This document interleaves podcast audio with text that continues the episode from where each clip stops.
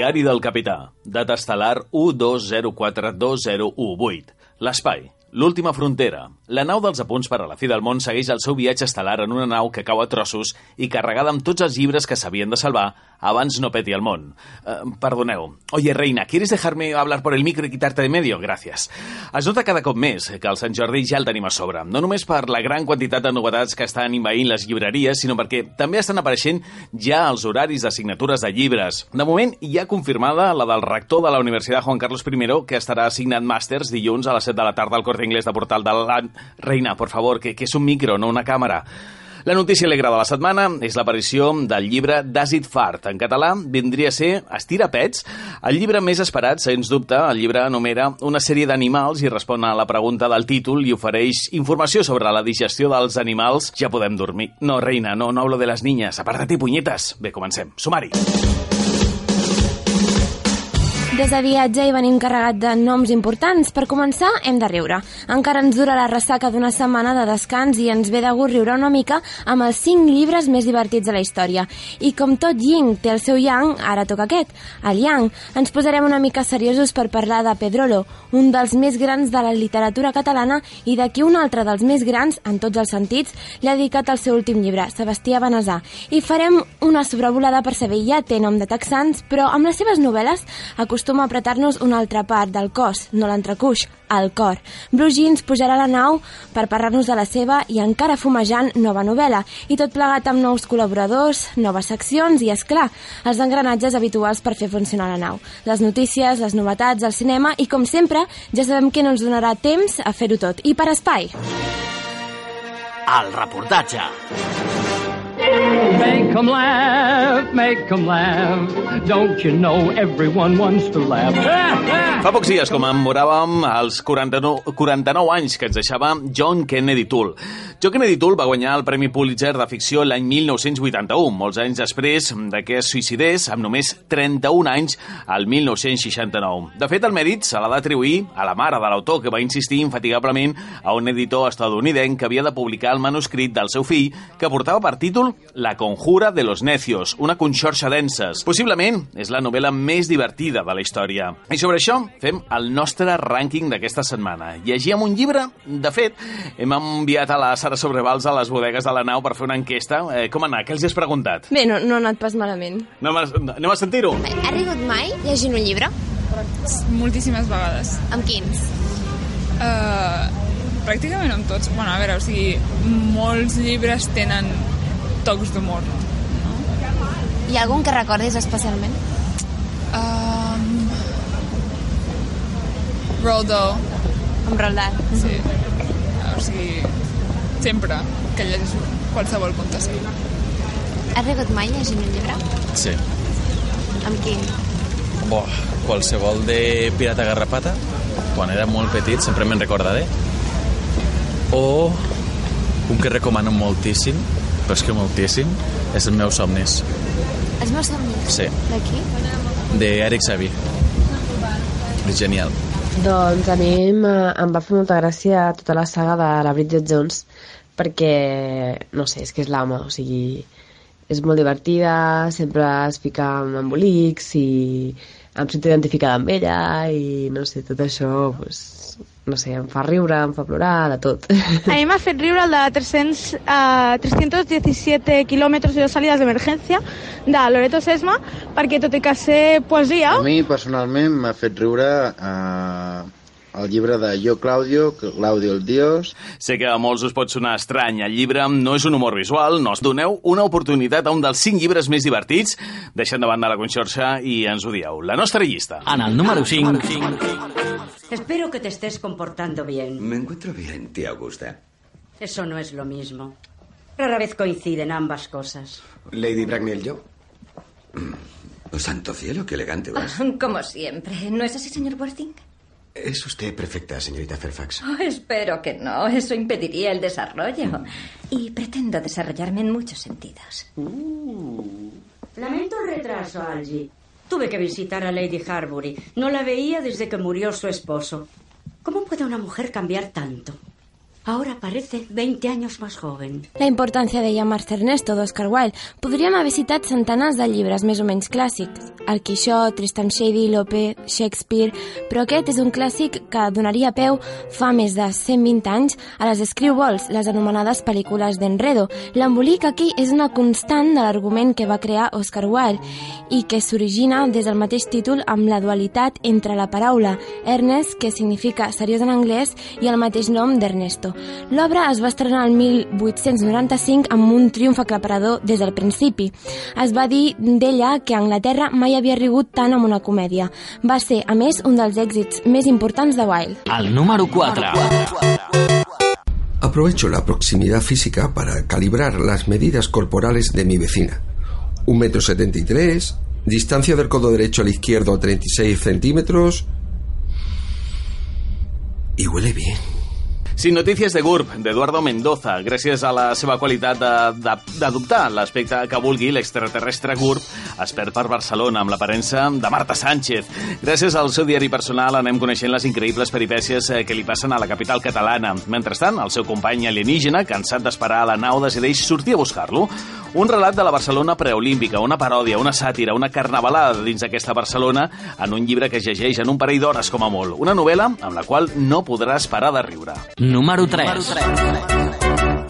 Unos seres pandimensionales hiperinteligentes se hartaron tanto de las constantes discusiones sobre el significado de la vida que le encargaron a dos de sus mejores representantes que diseñaran y construyesen un estupendo superordenador para que calculase la respuesta a la vida, el universo y todo. Oh pensamiento profundo, queremos que nos digas la respuesta. ¿La respuesta a qué? La respuesta a la vida, al universo, a todo. De acuerdo. La respuesta a la gran pregunta de la vida, del universo y de todo es...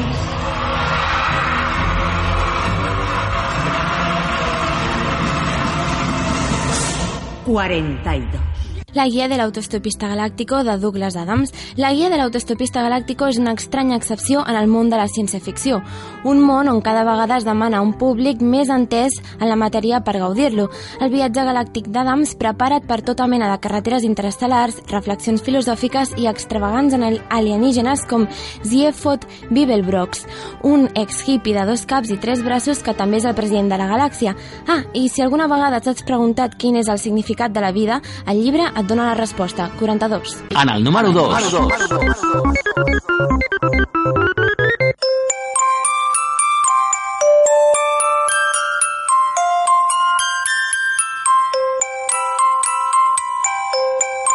El ángel más tonto del mundo, de Christopher Moore. Molts assenyalen Cordero com el seu llibre més divertit. Jo, personalment, vaig entrar en l'univers d'aquest autor gràcies a aquesta i per això és la que destaco per damunt de la resta, perquè va encetar una relació devota cap a Moore. L'àngel més tonto del món, eh, la vuitena novel·la de Christopher Moore, la història transcorre al Nadal i reuneix diferents personatges de les seves anteriors novel·les al fictici poble de Pain Cove, una localització recurrent en les novel·les de Moore. Un àngel, anomenat Raciel, és enviat, enviat a la Terra per acomplir el desig d'un nen. Ell decideix ajudar a un nen que ha presenciat l'assassinat d'un home vestit del Pare Noel. Mentrestant, la ciutat es prepara per a un sopar comunitari a l'església local situada al costat del cementiri.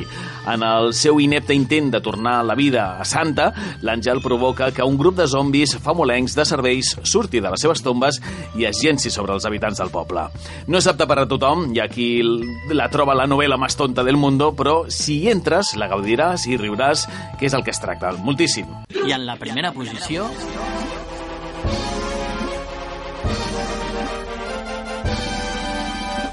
Bien, señor Wilt, voy a mostrarle una lámina.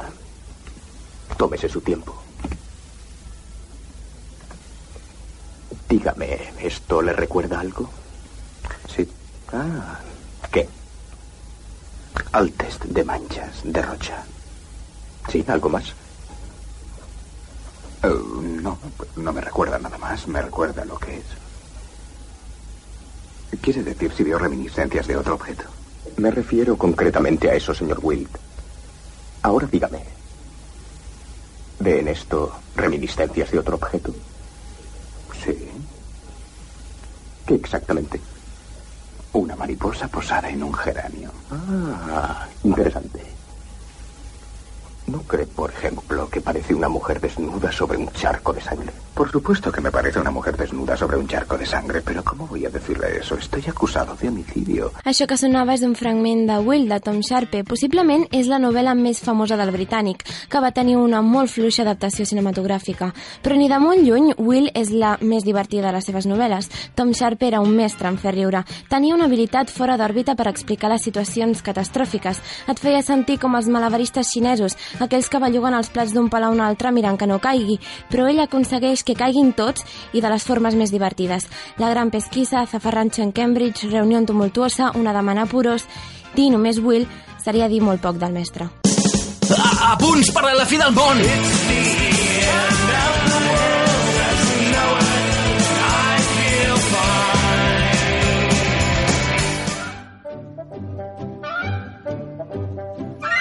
Obrim nou espai d'opinió aquesta setmana. Una d'aquelles problemàtiques que té el món literari no és el ser o no ser, sinó el deixar o no deixar. Un llibre, Sara Sobrevals.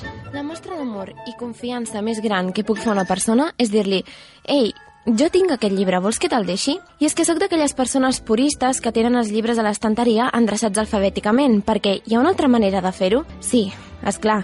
Hi ha aquelles persones que els hi ve la neura d'endreçar-los per colors, cosa que mai acabaré d'entendre. Podeu comprendre com de dolorós és per una persona com jo haver de deixar un llibre? I no és una por irracional, tinc una base molt forta per justificar-la. De fet, hi ha quatre tipus de persones que em provoquen aquesta por. Per començar, aquelles persones que no utilitzen els punts del llibre. Sí, exacte. Em refereixo a aquelles que dobleguen la cantonada de la pàgina sense pietat. Aquells monstres que esperes que no llegeixin dos pàgines per dia perquè si no destrossen tot el volum. No enteneu que per alguns ens fa tant de mal com deixar un CD de música i que te'l tornin ratllat? Bé, això ja no es fa, però ja m'enteneu. Però encara hi ha una cosa pitjor aquells que tornen el llibre amb anotacions. Mira, maco, jo entenc que gaudeixis de la lectura prenent notes i senyalant les parts que més t'han agradat, però utilitza una llibreta, coi, que no costa res. I almenys alguns tenen la decència de fer els guixarats a llapis, però els que, els que els fan a bolígraf, o encara pitjor, els que et subratllen mig llibre de 300 colors diferents de fosforito no tenen perdó de Déu. Hi ha una persona que mereix la nostra compassió, però que ens fa passar una mala experiència, la de la gran desgràcia. M'explico.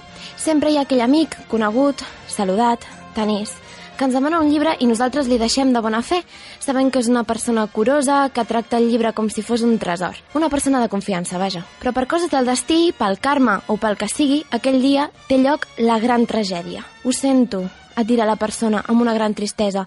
Estava llegint el teu llibre mentre prenia un cafè com cada dia i... i li cau el cafè a sobre. I qui diu cafè diu aigua, taronjada, Coca-Cola, tant és.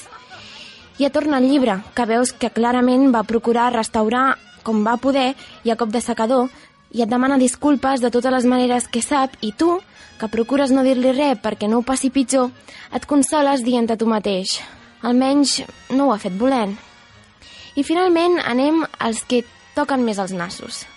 Els que fan que la gent desconfiï, els que provoquen que per més que juris i rejuris que seràs responsable i que tornaràs el llibre en bones condicions, fan que tots els lectors del món siguin malfiats.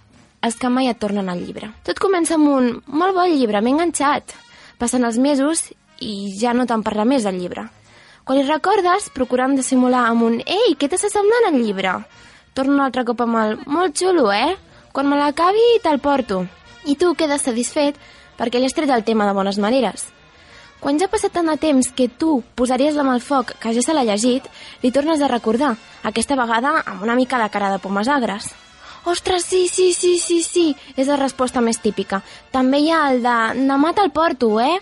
O el de, ostres, és que el tinc a no sé on i te l'haig de buscar. Si en aquests moments tens una situació com aquesta última, et faré un spoiler. No tornaràs a veure el llibre mai més en ta vida. L'entrevista. En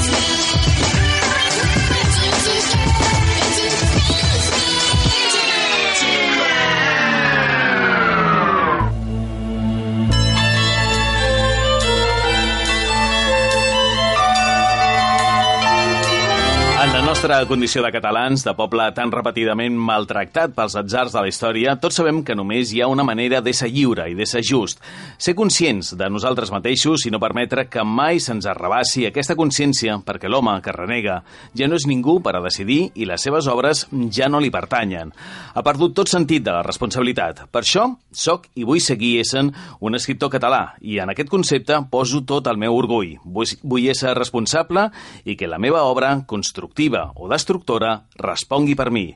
Discurs de Manuel de Pedrolo als Premis Sant Jordi l'any 1962 i que més serveix per arrencar el darrer llibre de Sebastià Benassa, Manuel Pedrolo, Manual de Supervivència, que edita Meteora. Estàvem cometent en aquest programa un greuge en no tractar l'any Pedrolo, i és que en Pedrolo no te l'acabes. És una frase que repeteix en diverses ocasions en començar el llibre de Sebastià Benassa. Bona tarda.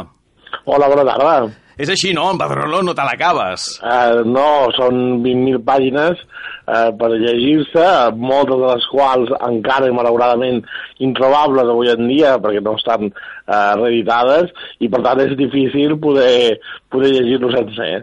Però estem a l'any Pedrolo. Una miqueta, aquest any estan publicant coses que feia molt que no es veien, algunes Mm. inèdites fins i tot. Mm, es- Tu creus que s'arribarà a poder veure com a mínim un 50 o 60%?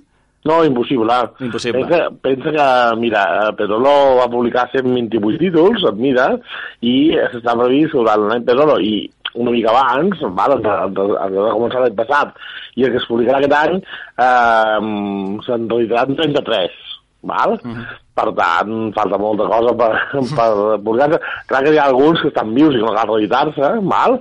Però potser dels 128 títols el lector en tindrà disponibles eh, una quarantena, més o menys, eh, uns 40, entre 40 i 50. Per tant, queda lluny dels, dels 128, però mm, molt millor que no estàvem eh, quan, quan va començar l'any Pedrolo. Uh -huh.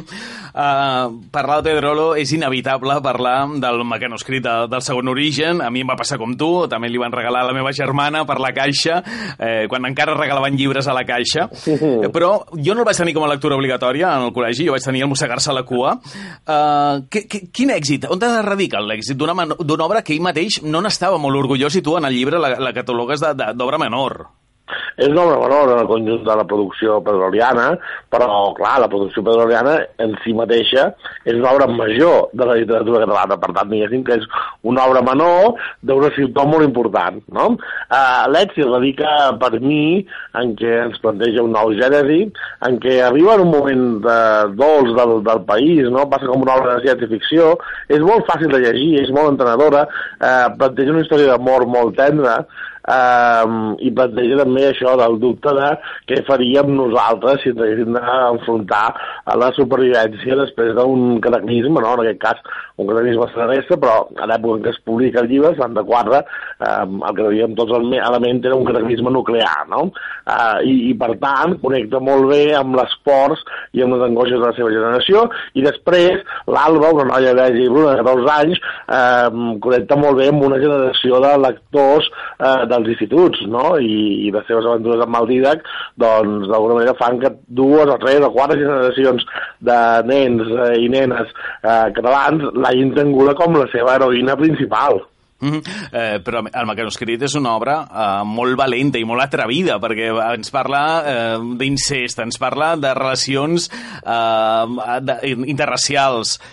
Com, com, com es va enfrontar tot això l'any 74? Mira, la sort que tenim és que l'any 74 eh, la censura la passa perquè diu és una obra de ciència-ficció, la, la, la llegirà poca gent, pensant que que precisament la ciència-ficció no, no llegia gaire gent, i, i dos, van tenir la gran sort de que les associacions de pares i mares d'alumnes de les escoles encara no existien, no? n'existien molt poques, perquè eh, les AMPAs estan molt preocupades per, per, per què llegeixen els nostres eh, adolescents i els nostres nens i estan molt preocupades pel fet de si llegeixen o no, eh, que és el que us hauria de preocupar realment.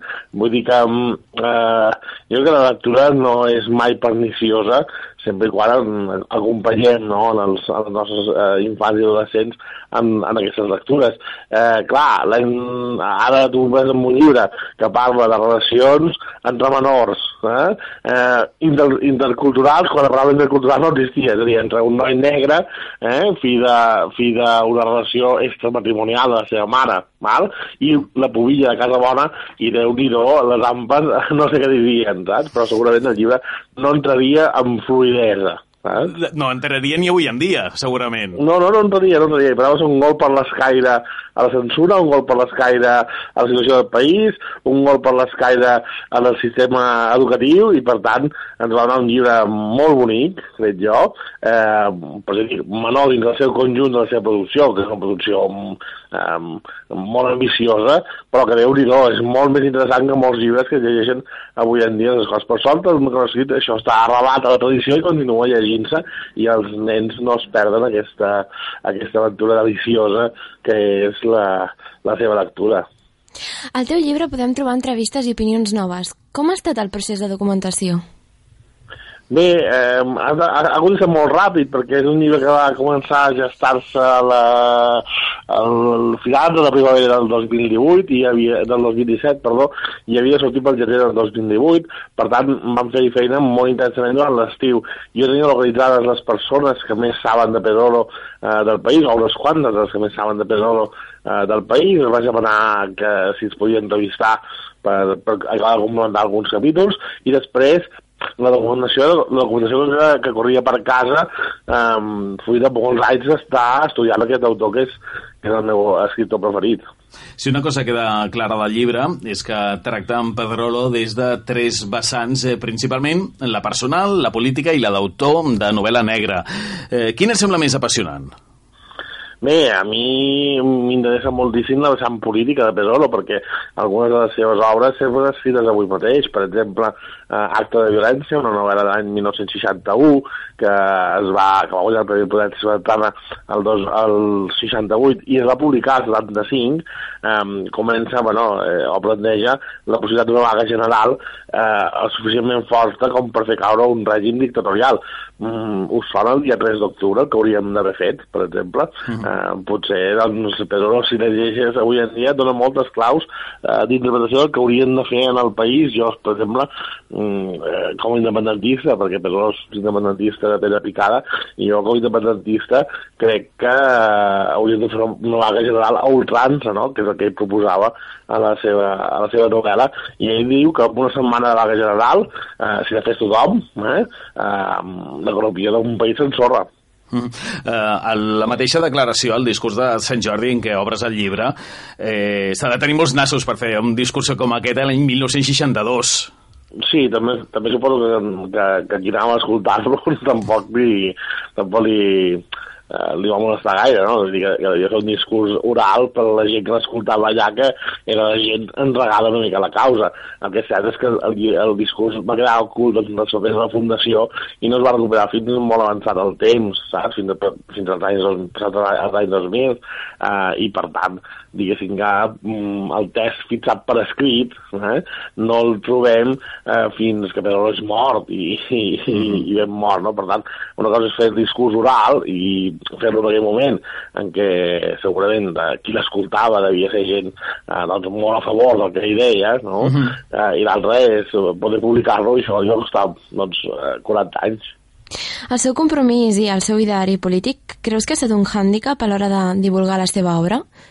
Per descomptat, Pedrolo eh, és declarat independentista quan aquí el que imparava era el peix al cova i l'autonomisme, no? I de fet eh, ell fustiga molt des de les planes de la premsa i des de les planes dels seus dietaris a, a les, a les elites eh, intel·lectuals del pujolisme i de, i de l'autonomisme, d'alguna manera, no? En el diari Avui, els seus articles eren molt crítics perquè sempre demanava la nació completa, eh, marxista, d'esquerres, eh, heterodoxa, mal i anticapitalista. I per tant això xocava frontalment amb la visió de Convergència i Unió, no? I això va anar també en detriment de la publicació d'alguns dels seus llibres. Això ja és un mandarinatge cultural dels anys 60. No, no va ser només la censura, vull dir, va haver més motius. El manual recull algunes entrevistes interessants, molt la que li fas a la Margarida Aritzeta, quan li preguntes «Creus que Pedrolo és un dels pares de la modernitat literària a casa nostra?» Eh, Pedrolo és el pare de la, de la novel·la negra catalana? Bé, eh, és el pare de la novel·la catalana sense cap mena de dubte si ens fixem en, en l'època de- d'escriptura de, les seves obres. Eh? Mireu, eh, hi ha una novel·la que es publica l'any 97, perquè es passa 47 anys perduda a l'arxiu de censura que és, que és eh, doble o res, val? que ell va escriure l'any 1950. Per tant, si s'hagués publicat més o menys en el moment de l'escriptura, l'any 50 o l'any 51, eh, s'hauria publicat tres anys abans que eh, la Bíblia Valenciana de Rafael Tassi és considerada com la primera novel·la negra catalana de la història. Per tant, Besolo és el pare de la, de la novel·la negra. Um, i, I el que és interessant ja no és tant si és el primer o el segon, això és el de menys, però sí que és cert que eh, tenim com a mínim tres novel·les de Besolo negres ambientades en els anys 50, la qual cosa fa que aquest endarrerir cap a darrere una dècada, eh? sempre es deia que eh, la, la novel·la de Tassis vista com una espècie de bolet en els anys 50, però que en realitat la novel·la negra en català es consolidava en els anys 60. Doncs no, eh, Pesolo en, en tres títols més Tassis, eh, la seva feina, més Maria Aurelia Campmany, demostra que la novel·la negra en català ja estava consolidada a la dècada dels 50. I per tant això és 10 anys abans del que ens pensàvem i 25 anys abans eh, que es fes novel·la negra a Espanya. Com es va portar la censura en Pedrolo? Perquè, clar, vull dir, tenien, les seves obres tenien el contingut polític, també se'n deia que també podien arribar a pensar-se que tenien un contingut sexual, i aleshores com es va portar aquesta censura amb ell? i va carnissar notablement, hi ha obres que arriben a tardar fins a 20 anys en poder-se publicar, saps? Uh, per tant, va ser molt dura. Alguna obra, fins i tot, però li va canviar el títol i la va enviar a censura i el censor deia, aquesta ja l'he llegida, saps? Vull dir, el subterfuge de canviar els títols no altera el, el producte i negaven el, el, la publicació, no? Per tant, um, la censura s'hi va, va carnissar i ja sé molt bé en, en introduir l'element sexual, no? Perquè eh, però no, la censura no carnissat únicament per la seva condició política o per la condició política de les seves obres i dels seus personatges. La, moltes d'elles es, es deneguen per escàndol públic, no? Per, perquè es passen, doncs, moltes, moltes novel·les hi ha moltes escenes de sexe explícit. I fins i tot acabarà costant-li un judici una novel·la que es diu Un amor fora ciutat, en què eh, els protagonistes són dos homosexuals en un moment que a Espanya doncs, l'homosexualitat estava molt mal vista o fins i tot es deia que no existia per part del règim no? i llavors hi fa una novel·la en què dos homosexuals casats per dissimular aquesta condició no? doncs s'acaben trobant i acaben explicant les seves les seves eh, frustracions d'alguna manera, i això li va costar un judici, al final va ser absolt, però, però no el va portar molt malament perquè es va trobar-se molt sol, va trobar-se que els companys de professió en aquest cas no li van fer gaire, gaire cas. Ja, la mateixa Mercè Rodoreda deia, el considerava l'enemic a batre, no? Sí, la Mercè Rodoreda era una grandíssima escriptora, però era una senyora que estava una mica amargada, vivint a l'exili a Suècia molt sola, no? I, i, i clar, i, i Pedro li guanyava alguns premis i per tant, diguéssim que eh, ella portava malament, ella i el Joan Sales, el seu editor, portava malament el fet que Pedro per si sol fos capaç de crear una, una literatura sencera, no?, d'alguna manera, és a dir, capaç d'explicar, de, eh, de tocar tots els pals, de, de, de, de crear des de múltiples punts de vista, de, eh, de múltiples punts de, o de múltiples gèneres literaris, no? I això es posava molt nerviós a una escriptora que bàsicament el que feia eren novel·les realistes, no? Mm. I, i, I això, doncs, aquest no poder encasellar Pedrolo els posava molt nerviós a ella i al Joan Sales, sí, sí. El manual de supervivència, Manuel de Pedrol, manual de supervivència, l'obra que edita Meteora, eh, que ens ha portat els apunts de, per a la fi del món al Sebastià Nazar. Quantes vegades hem dit malament el teu cognom? Uh, no, ho he dit molt bé, no sí. vegades. Jo ja l'he renunciat a... a soc, com Pedro, soc com Pedro de censura, saps? Dir, Missió impossible, igual, ja, no? Mentre, mentre ho dieu ja està bé, saps? Sebastià, moltíssimes gràcies. Gràcies a vosaltres. Shapes, mistakes, misfits Raised on a diet of broken biscuits Oh, oh we don't look the same as you. And we don't do the things you do But we live around here too. Oh, really? Misshapes, mistakes, misfits. We like to go to town But we can't risk it all. Cause they just wanna keep us out. You could end up with a smack in the mouth Just for standing out now, really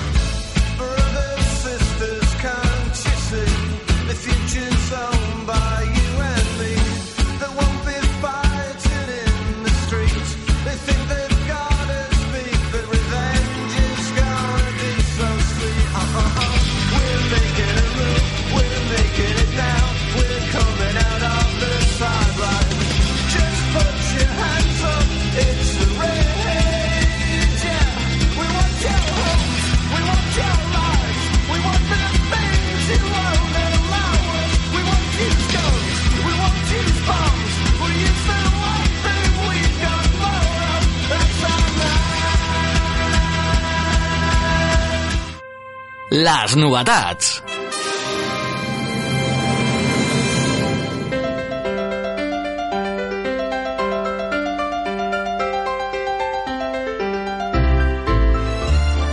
Hadon és un prodigi. Realment és una llàstima que els seus llibres infantils no s'hagin publicat en català ni en castellà. Només ho va fer boom i ara ens arriba 12 anys després d'un pequeño inconveniente, un llibre de relats. Per una banda és una llàstima que haguem hagut d'esperar 12 anys i que ens trobem amb un llibre de relats, sobretot tenint en compte com de meravelloses van ser les seves dues anteriors novel·les. El curioso incidente del perro medianoche es va anticipar uns anys al fenomen Wonder, tot i no mantenir l'estil ni la història, sí que ens presentava un nen molt especial.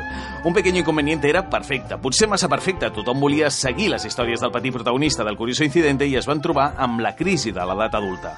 Com a història i estil li donava mil voltes al seu precedent, però els protagonistes no eren tan efectistes. En aquesta carrera, Increixendo, ens arriba ara El hundimiento del muelle. És una col·lecció de nou relats que toquen diferents gèneres, les aventures, la ciència ficció, el conte... Bé, hauria d'haver dit una sorprenent col·lecció de relats. Vaig acabar El hundimiento del muelle per Setmana Santa i encara em dóna voltes al cap. Són nou contes sorprenents, només hi ha un parell una mica per sota de la mitja, però és que la mitja és sublim. És curiós com un autor de molta literatura infantil té una imaginació tan fosca que ens porta al món dels somnis i que fan que els seus relats et ballin durant dies pel cap. Haddon demostra gran versatilitat en gèneres, en personatges, ens presenta també com un expert del format curt. Calia esperar un altre cop que ens bellugaríem en el terreny de personatges tristos i solitaris com ja Haddon havia demostrat les seves habilitats amb ells en els anteriors llibres, però no és sempre així. Per exemple, el tercer relat, Bunny, és la història d'una dona infeliç enmig d'una relació marcada per l'obesitat i també eh, la història que tanca el llibre, La pressa, que explora l'improbable i duradora amistat d'un home que salva la vida d'una jove. El que sí predomina és l'absència de finals feliços, en una època en què moltes històries curtes intenten provocar amb un ritme lent meditacions melancòliques sobre la vida, el hundimiento del muelle es presenta com una bufada d'aire fresc, és un antídot molt excitant. Els contes estan plens d'acció, prenen girs inesperats i aquesta impredictibilitat és molt estimulant. Tot i això, els apunts àlgids són els relats que tenen el thriller com a gènere, a banda del primer que dona títol al llibre, i per descomptat la història més llarga on una família veu com un misteriós desconegut els interromp el Nadal. Haddon és el tipus d'escriptor que provoca enveja. No és vistós ni és un superstar literari, però les tres novel·les eh, que podem gaudir en castellà i algunes en català són petites obres mestres silencioses perfectament dissenyades, el tipus de llibres que es mantenen amb nosaltres durant molt de temps. I ara, aquestes nou històries podrien marcar el seu punt culminant i es converteix en un dels meus llibres preferits fins al moment en el que portem d'any. L'entrevista.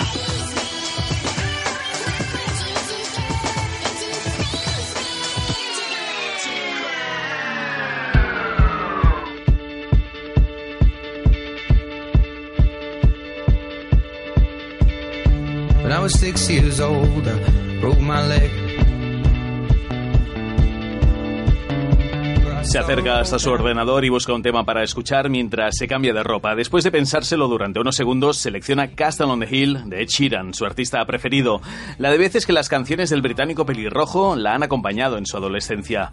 En momentos de soledad, de gran tristeza, en días muy duros y complicados en los que nada iba bien, ahora, al menos, ha encontrado una razón para sonreír. Una enorme razón repleta de emociones e incertidumbres.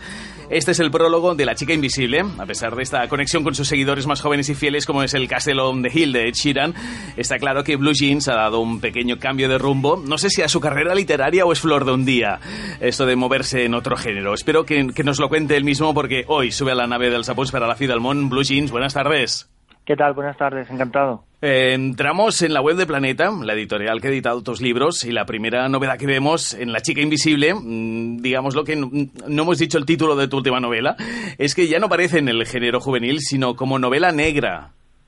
Ah, pues no, no lo sabía. Pues sí, sí, sí. bueno, la verdad es que es una, una novela, es un thriller juvenil, porque los protagonistas son juveniles, porque seguramente muchos de mis lectores van a seguir leyendo el libro, pero es verdad que también es una novela para todos los públicos. Eh, creo que los libros no tienen edad y creo que este este tampoco, ¿no? Eh, es una novela que le puede gustar tanto a un chico de 13, 14, 15, 16 años como a su padre, como a su abuelo. ¿Cómo, cómo han recibido esto los, tus seguidores, el Ejército Azul?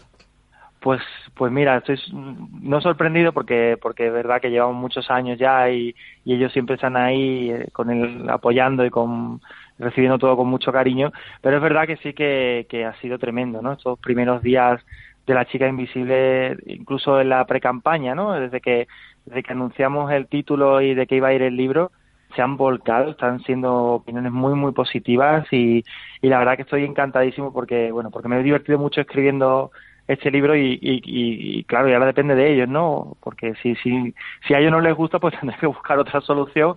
Pero mira, de momento les está gustando y, y yo estoy encantadísimo.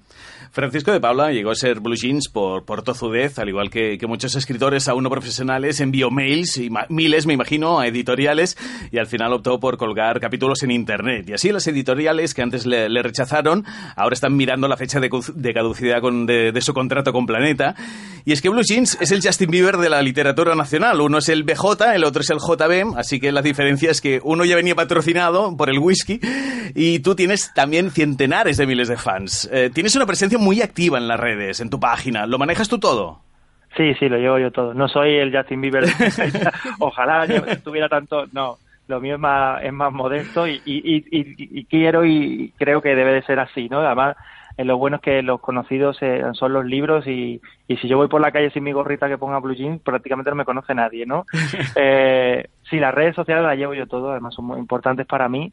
El contacto con el lector diario, pues para mí es fundamental, lo llevo haciendo desde, desde que empecé en toda esta historia, desde, desde que no, desde que publicaba en internet y bueno, yo, ocho, nueve, diez años después sigo yo manejando mi Twitter, mi Instagram, las redes sociales, el canal de YouTube, todo lo llevo yo y creo que debe ser así porque si lo llevara un community manager o alguien de la editorial creo que se notaría mucho y aparte yo no me quedaría contento, ¿no? Eh, tengo que ser yo el que el que escriba y el que y el que hable con los lectores. Pero eh, que un escritor tenga fans es atípico. O sea, lo puede tener, como decíamos, Justin Bieber, lo puede tener un actor, eh, gente que vive mucho de su imagen. El escritor es muy raro en tu, tu caso. ¿Lo, ¿Lo percibes así o no? No, yo, yo no vivo, no, no, creo que yo viva de, bueno, evidentemente no vivo de mi imagen porque si no, no, no, no viviría. De, de, eh, pero yo nunca los he llamado fans, nunca me ha gustado llamarlos fans. Siempre hablo de lectores, uh -huh. como muchos seguidores, ¿no? Pero siempre se lo he dicho a ellos, además, cuando, cuando me han dicho, yo es que soy tu fan o soy fan de los libros, le, siempre le, le, les he rectificado, ¿no? Siempre he utilizado la palabra lectores porque fan suena fanático a deporte, a música, incluso a cine, ¿no? Y, y yo no los considero que sean fan míos, ellos no están pendientes de, de a qué hora eh, a qué horas eh, eh, salgo a la calle o, qué hago en mi vida personal, sino que ellos están pendientes de sobre todo de, lo que hago con los libros, ¿no? De lo que, lo que escribo, de, de, los personajes, del día que firmo en tal sitio o firmo en cual sitio, de eso es lo que ellos están pendientes. Entonces se aleja un poquito de, del fan tradicional de, música, de deporte o de cine, aunque es cierto que, por ejemplo, en las firmas de libros eh, hay gente que se va seis o siete horas antes a hacer cola y, eso sí que quizás sea el, el, lo más cercano que tengamos a, al fenómeno fan. Aurora Ríos es invisible para casi todos. Los acontecimientos del pasado han hecho que se aísle del mundo y que apenas se relacione. A sus 17 años no tiene amigos y está harta de que los habitantes de aquel pueblo hablen a su espalda. Una noche de mayo, su madre no la encuentra en casa cuando regresa del trabajo. No es lo habitual. Ahora, Aurora aparece muerta a la mañana siguiente en el vestuario de su instituto, el Rubén Darío. Tiene un golpe en la cabeza y han dejado una brújula junto a su cuerpo. ¿Quién es el responsable de aquel terrible suceso? Vamos, que cuando a uno le dicen que Blue Jeans va a cambiar de género, no él, sus libros, y que se llamará La chica invisible, al menos nos queda claro con este resumen que de los cuatro fantásticos no va, ¿no? No, y que no hay corazones en las portadas tampoco. es cierto que, que, bueno, que tampoco he podido ni he querido alejarme totalmente de lo que he hecho hasta ahora, ¿no? Es verdad que los, cor los corazones no están en la cubierta, pero no deja de no dejan de ser dos adolescentes los protagonistas eh, que tienen vida y pensamientos y sentimientos de adolescente, ¿no? Por muy inteligente que sea una, por muy friki que sea el otro, eh, son chavales de 16 años que sienten que padecen y que sufren como, como, como chicos de, de 16 años. Entonces, he tratado los temas, o, algunos de los temas que, que creo que puede interesar también a la gente joven, la relación con los padres, el tema de la identidad, eh, el bullying que hay en los institutos que le pasa, que le, incluso le pasa a Aurora, pues todo eso aparece en los libros, aparte de quizás eh, personajes más maduros como los padres de Aurora, que son los encargados de la investigación, los profesores, la prensa, que creo que aportan ese, esa diferencia, ¿no? Que antes en, en mis otros libros pues quizás no he tratado, ¿no? El, el, el tratar con personajes más adultos. La chica invisible se, se, publica ahora, pero en parte de un borrador, creo, no sé si era solo un borrador, si ya había algo escrito, de algo que escribías mientras estabas haciendo algo tan sencillo. Uh -huh. Aurora era Daphne, Emilio era Oliver, por Oliver y Benji, tengo entendido. Sí, sí, era, era, era un, sí, era Oliver. A mí de vez en cuando me gusta hacer guiños y con los nombres de los personajes o con determinados no, eh, personajes eh, me gustaba hacer homenajes o guiños y me lo puedo permitir. Y, la verdad que el de Oliver era, era por, por, la serie Campeones y el de Daphne era por, por un poema de Garcilaso de la Vega, que era, que era el, mi poeta preferido cuando, uh -huh. cuando era más jovencito. ¿Y, ¿Y, por qué no te atreviste cuando, cuando, cuando, a hacer el salto en aquel momento? ¿El salto te refieres a...? Al, género, al género negro. No, eso, esto está escrito unos meses antes de empezar, definitivamente. Uh -huh. eh, antes lo intenté, de hecho lo primero que intenté publicar fue una novela de misterio, eh, antes de incluso de Canciones para Paula, pero me rechazaron todas las editoriales. Entonces, eh, cuando empecé con, con, no me gusta llamarlo romántico, aunque bueno, siempre se me ha etiquetado como autor de novela juvenil romántica, cuando empecé en Fotolog, eh, tenía que buscar algo que la gente, que la gente joven, que era la que usaba las redes sociales por aquel entonces, pues enganchara, ¿no? Por eso empiezo con una novela juvenil de este tipo. Luego es verdad que como me ha ido bien, pues hemos seguido con lo mismo, ¿no? O, o con historias parecidas. Pero hay un momento que yo necesitaba un cambio, creo que la editorial también, creo que incluso los lectores, ¿no? Eh, repetir otra vez el proceso, historia de jóvenes, qué tal, que tienen problemas, qué, qué tal. Mm, podía ser repetitivo y, y, yo mismo no hubiera sido honesto con, con la gente, ¿no? Con, con la editorial al repetir otra historia y, y, el thriller siempre me ha gustado, siempre he leído novela de misterio, Agatha Christie es mi autora referente y, y bueno, no es una Agatha Christie porque es diferente, pero sí que se asemeja más a eso que a lo que hacía anteriormente. Mm. Aunque los tintes de, de, género juvenil no desaparecen del todo, también vemos que hay un contexto del mundo joven, de institutos, de amores, y no sé, se enmarca una novela, en la novela criminal que has escrito. Algo que también vemos ahora en, en series recientes como Stranger Things, Trece razones, Pequeñas mentirosas. ¿Consideras que ha sido difícil hacer este salto? Eh, ahora parece más sencillo, ¿no? Más fácil como está funcionando y como he terminado el libro, pues pues parece que es más que es más fácil, pero he tenido dudas, he tenido sobre todo al principio antes de empezar a escribir, porque claro, eh, estoy acostumbrado a, un, a una manera de escribir, a un tipo de libro y este requería un cambio también en eso, ¿no? En el proceso.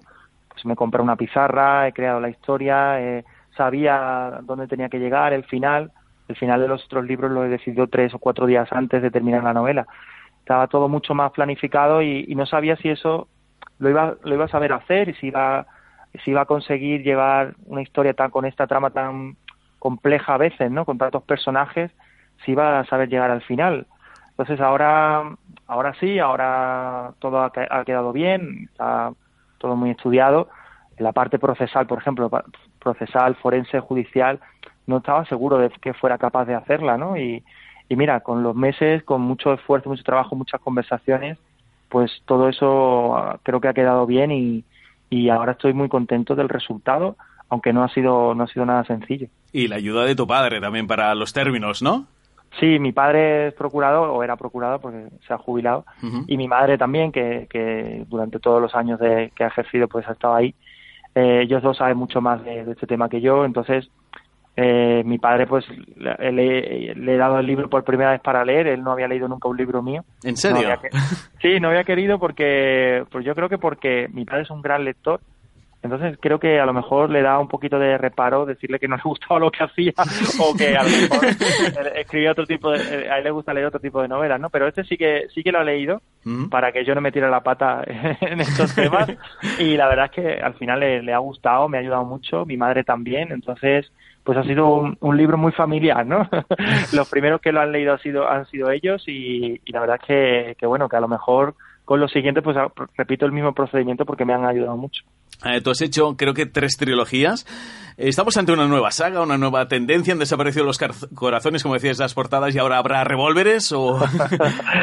revólveres, cuchillos, no lo sé, no lo sé. La verdad es que es, es pronto todavía para hablar de, de trilogías, de segundas partes, de sagas, porque acaba de salir el libro, eh, en la, tengo todavía en la mente todo lo que he escrito. Sí es cierto que en el momento que terminé de escribir la novela me he puesto a escribir ya. No sé si servirá para algo, ¿no? Lo que estoy haciendo, pero, pero bueno, a mí me gustaría seguir escribiendo este tipo de novelas. Creo que, que los estos personajes pueden tener más, más, más protagonismo dentro de, de un tiempo. También va a depender del lector. El lector es fundamental. Si al lector le gusta, si el lector pide más, si quiere otro libro, pues seguramente la editorial querrá que le querrá complacer al lector, ¿no? Y, y yo ya te digo que estoy encantado con esta novela. Me lo he pasado muy bien escribiendo, casi como nunca, ¿no? Y, y como he disfrutado tanto, pues estoy estaba deseando ponerme a escribir otra vez. Ahora Blue Jeans acaba de publicar La chica invisible, lo tenemos de promoción. eh, tú estudiaste periodismo, no te salía nada, te, des- te desencantaste un poco de- del mundillo. Eh, ¿Qué te han preguntado más veces los periodistas? ¿De dónde viene lo de Blue Jeans o cuántas gorras tienes? no, lo que más me preguntan es dónde viene lo de Blue Jeans. lo de la gorra, pues pasa un poquito, pasa un poquito de, como me están acostumbrados a verme de, con la con la gorra y tal, lo pasan un poco de puntillas. Pero el Blue Jeans sí que, sobre todo la primera vez que me entrevistan, sí que me lo preguntan y yo estoy encantado de contestar siempre, ¿no? de, de, de dónde viene el seudónimo. ¿Y cómo llevas la, la promoción, este aluvión de, de- periodistas que quieren hablar contigo cada vez que, que sacas un libro? Pues mira, lo llevo súper bien. La verdad es que estoy encantado de que la prensa también nos hagan caso a los autores de juvenil, ¿no? Que, que a veces, pues, a no ser que haya una película norteamericana en el cine de un, de un libro juvenil, eh, pasamos sin pena ni gloria, ¿no? Hay, eh, hay muchos, hay una generación muy buena, además de autores juveniles en España que, están triunfando, que están llenando salas y que no se ve porque porque porque no salen en, la, en, la, en los medios, ¿no? Entonces yo estoy encantado, aparte creo que están siendo entrevistas muy muy interesantes. Creo que yo también tengo más que hablar de este libro a lo mejor que de otros, ¿no? El cambio de, de, de, de los corazones a, a los asesinatos, pues me da más, más pie a hablar. Creo que esta, con esta novela además todo ha tenido su explicación, todo ha tenido su momento y la verdad es que me lo estoy pasando muy bien. Eh, Otras veces he sufrido más la promoción porque se te preguntan siempre lo mismo y tal, pero en esta en esta promoción me lo estoy pasando muy bien y la verdad es que hoy estoy muy agradecido a todos. La chica invisible, en catalán La noia invisible, la, la publica Columna. ¿Tienes algún control tú sobre las traducciones, las portadas en el extranjero? ¿O, mm, me, van, ¿Basas? con- me van contando, me van contando. Esta Ujú. vez sí que sabía que, que en catalán, bueno, siempre salen en paralelo, ¿no? En catalán y, en, y en castellano. Y, y la verdad es que luego, por ejemplo, en San Jordi, pues la, lo- las chicas, los chicos me llevan lo- el libro en catalán y, y encantadísimo de, de que, de que se publique en cuanto más idiomas mejor. Y sí, me van contando de las traducciones, de, de del, cuando sale el libro en Latinoamérica. Sí, yo voy intentando controlarlo todo porque, porque bueno, me interesa saber dónde, dónde están leyendo el libro y, y cómo va, ¿no? Cómo va el libro en cada sitio. No hace falta desearte buena suerte, pero te la deseo igualmente porque se- seguro que la tendrás eh, con esta La chica invisible, que como decíamos publica Planeta. Blue Jeans, muchísimas gracias por subir a, a la nave del Sapuns. Muchas gracias a vosotros, encantado. Te ha cabido el casco con la, con la gorra incluida, ¿eh? Sí, pues entre el tamaño de mi cabeza y la gorra, yo no sé si, si el tamaño XXL valdría. Un abrazo. Un abrazo. Hasta luego, Francisco. Segueix-nos al Twitter, a punts FM, a punts per la fi del món. Eras una vez el espacio. Encetem nova secció dels Embuts per a la fi del món, una d'aquestes seccions que ens permetrà voltar arreu de Catalunya i fer-ho amb els principals protagonistes metaliteraris del món del llibre, els llibreters. Entrem a la llibreria perquè ens recomanin cada setmana dues novetats. En aquesta primera parada ens anem a Mataró, Dòria Llibres, al carrer Argentona 24 a Mataró, i ens trobem amb Francesc Bagdejú. Francesc, bona tarda. Hola, bona tarda, què tal? Benvingut a la nau dels apunts. De... Molt bé, gràcies. De quines novetats ens vols parlar? Mira, us vull parlar de dues novetats que acaben de sortir uh -huh. I que són de la mateixa autora. Som-hi. Uh, són, uh, un és la Catherine Mansfield, és una autora nascuda a No- Nova Zelanda i que va morir als 34 anys, uh, o sigui, el, 1980, el 1923, als 34 anys, d'una tuberculosi. Uh -huh. Llavors acaben de sortir editats primer els diaris, eh, una, una edició de tots els seus diaris, que ella anava escrivint diaris, diaris cada dia, pràcticament, i ha sortit una edició molt maca editada per l'Avens, que són tots els seus diaris, tra traduïts per la Marta Pe- Pera, que és una mataronina, Mhm. que, bueno, molt bona traductora i que ha traduït moltíssimes coses. L'altra és la mateixa Catherine Mansfield i és un recull de tots els seus contes. En català podíem gaudir de molt poques obres d'aquesta dona perquè no, no s'havia publicat gaire. Hi havia un llibre que es deia Felicitat, eh, publicat per columna i alguna altra petita cosa. Però ara ha sortit aquesta edició a l'editorial Proa, que són tots els contes de la, de la Catherine Mansfield. Eh, són uns contes extraordinaris. Eh, era una dona, una dona molt culta, eh, amb una gran eh, eh, passió per l'escriptura, per l'escriptura preciosista, per l'escriptura ben feta, tocava, retocava. I aquesta edició de dos dels seus contes és una edició molt ben publicada i l'han traduït tres persones, perquè és un llibre bastant gruixut, l'ha traduït el Pep Julià, l'Anna Llisterri i també la Marta Pera, Ah, eh, mataronina. El, el llibre de contes són 900 pàgines. Sí, sí, sí, por ahí va la cosa, eh? Por ahí va la cosa, sí. Però és fàcil Sí, sí, de llegir per tots els públics?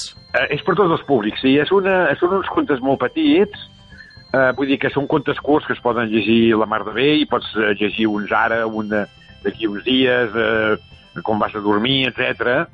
Eh, són uns contes, eh, molts d'ells ambientats al seu, al seu país natal, a la Nova Zelanda, molts recordant la seva infància, que, que ella va viure allà fins als 13 anys, als 13 anys els seus pares la van enviar a Londres a estudiar, va estar 5 anys estudiant, va tornar a Nova Zelanda, però quan va tornar ja havia viscut la vida fastuosa de Londres i tota la vida literària de Londres i va voler tornar, tornar a Londres. Eh, es va casar amb un, amb un editor eh, londinenc amb qui, amb qui anaven escrivint, eh, ell també escrivia i escrivien els dos i l'editor aquest li anava editant els llibres.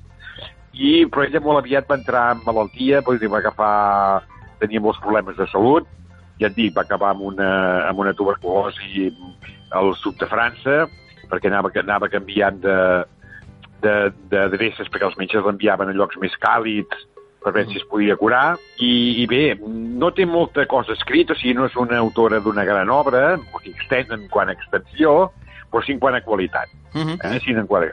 Per exemple, els llibres, a part d'aquests dos llibres, doncs, se'n poden trobar algun altre en català, aquest, el que he comentat, Felicitat de columna, n'hi ha un també de molt bonic, que és en una pensió alemanya, editada també per l'Avens, i poca cosa més. En català es poden trobar poca coses, poques coses més. Però aquests dos últims són una meravella de llibres, jo els recomano moltíssim. Descobriran, la gent que no ho conegui, descobriran una, una autora d'una gran qualitat, eh, amb una vida personal molt, in, molt intensa, molt interior, molt, molt profunda, i, i, i gran escriptora, molt amant de Chekhov, dels, dels contes de Chekhov, i ella provava sempre de superar la qualitat d'aquest Chekhov tan, tan reconegut, no? Perfecte. Francesc Bacdejú, des de la llibreria Dòria Llibres. Dòria Llibres. Moltíssimes gràcies. Gràcies a vosaltres. Eh, salut a tota la gent de Canet. A Punts per la fi del món, parlem de cinema.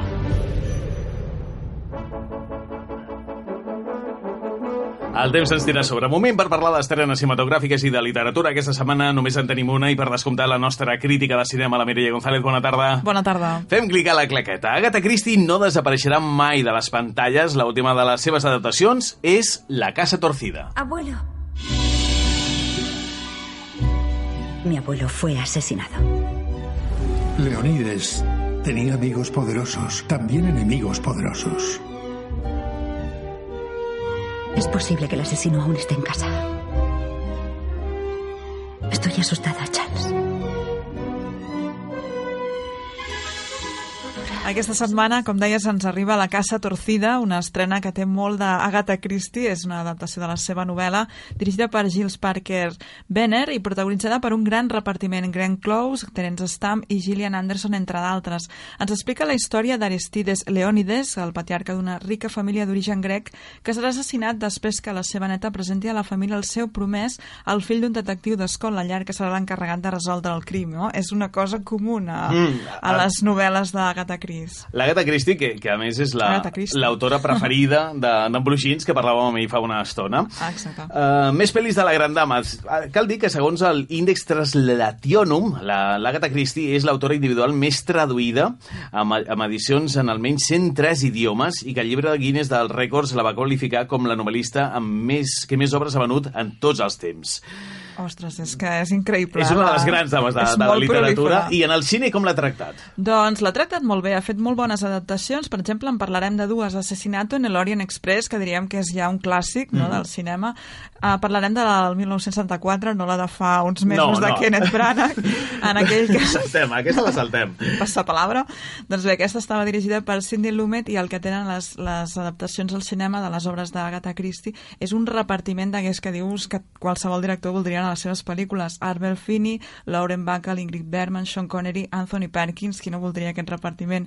Doncs bé, ens explicaven aquest assassinat perpetrat durant un viatge en el legendari Orient Express, la investigació del famós detectiu belga, Her Her Hercule Poirot, doncs s'ensopagaven grans dificultats perquè els il·lustres passatgers tenien una coartada quasi perfecta, és a dir, és d'aquestes històries doncs, que està molt bé perquè no saps qui és l'assassí fins al final. I també una cosa que compartia Muerte en el Nilo, aquesta és la versió de 1978, dirigida per John Guillemini i protagonitzat també per un gran repartiment, Peter Ustinov, Bette Davis, Mia Farrow, David Niven o Angela Lansbury, entre d'altres, també era una cinta d'intriga, novament, Hércules Poirot investigava l'assassinat en aquest cas d'una rica hereva nord-americana que viatjava a bord d'un luxós vaixell fluvial pel Nil. Deu persones estaven implicades en aquest misteriós assassinat.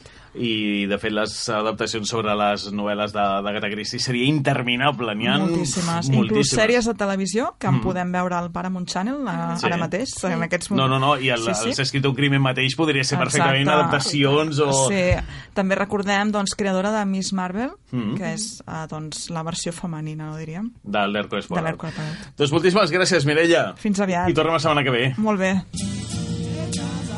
L'enquesta. Us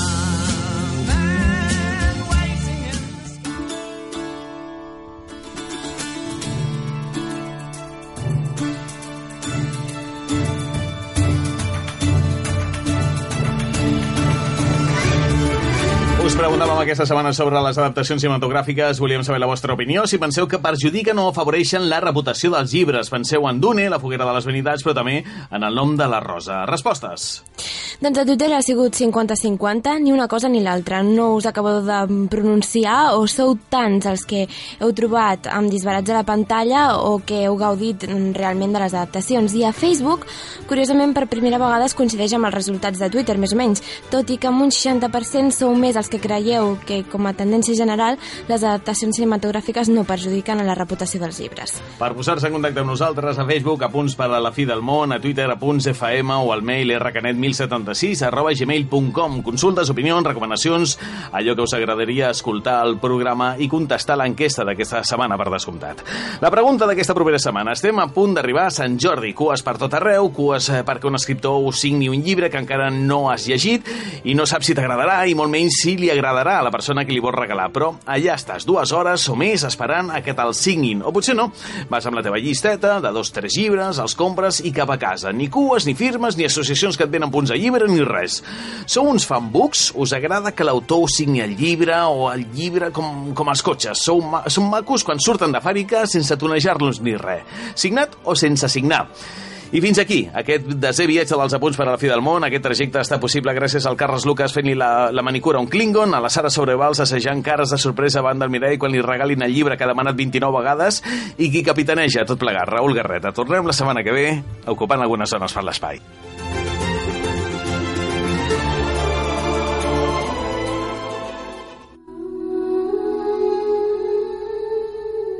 Si realment estimes un llibre, has de dormir amb ell, escriure amb ell, llegir-lo en veu alta i omplir les seves pàgines amb molles de magdalena. Enfadman.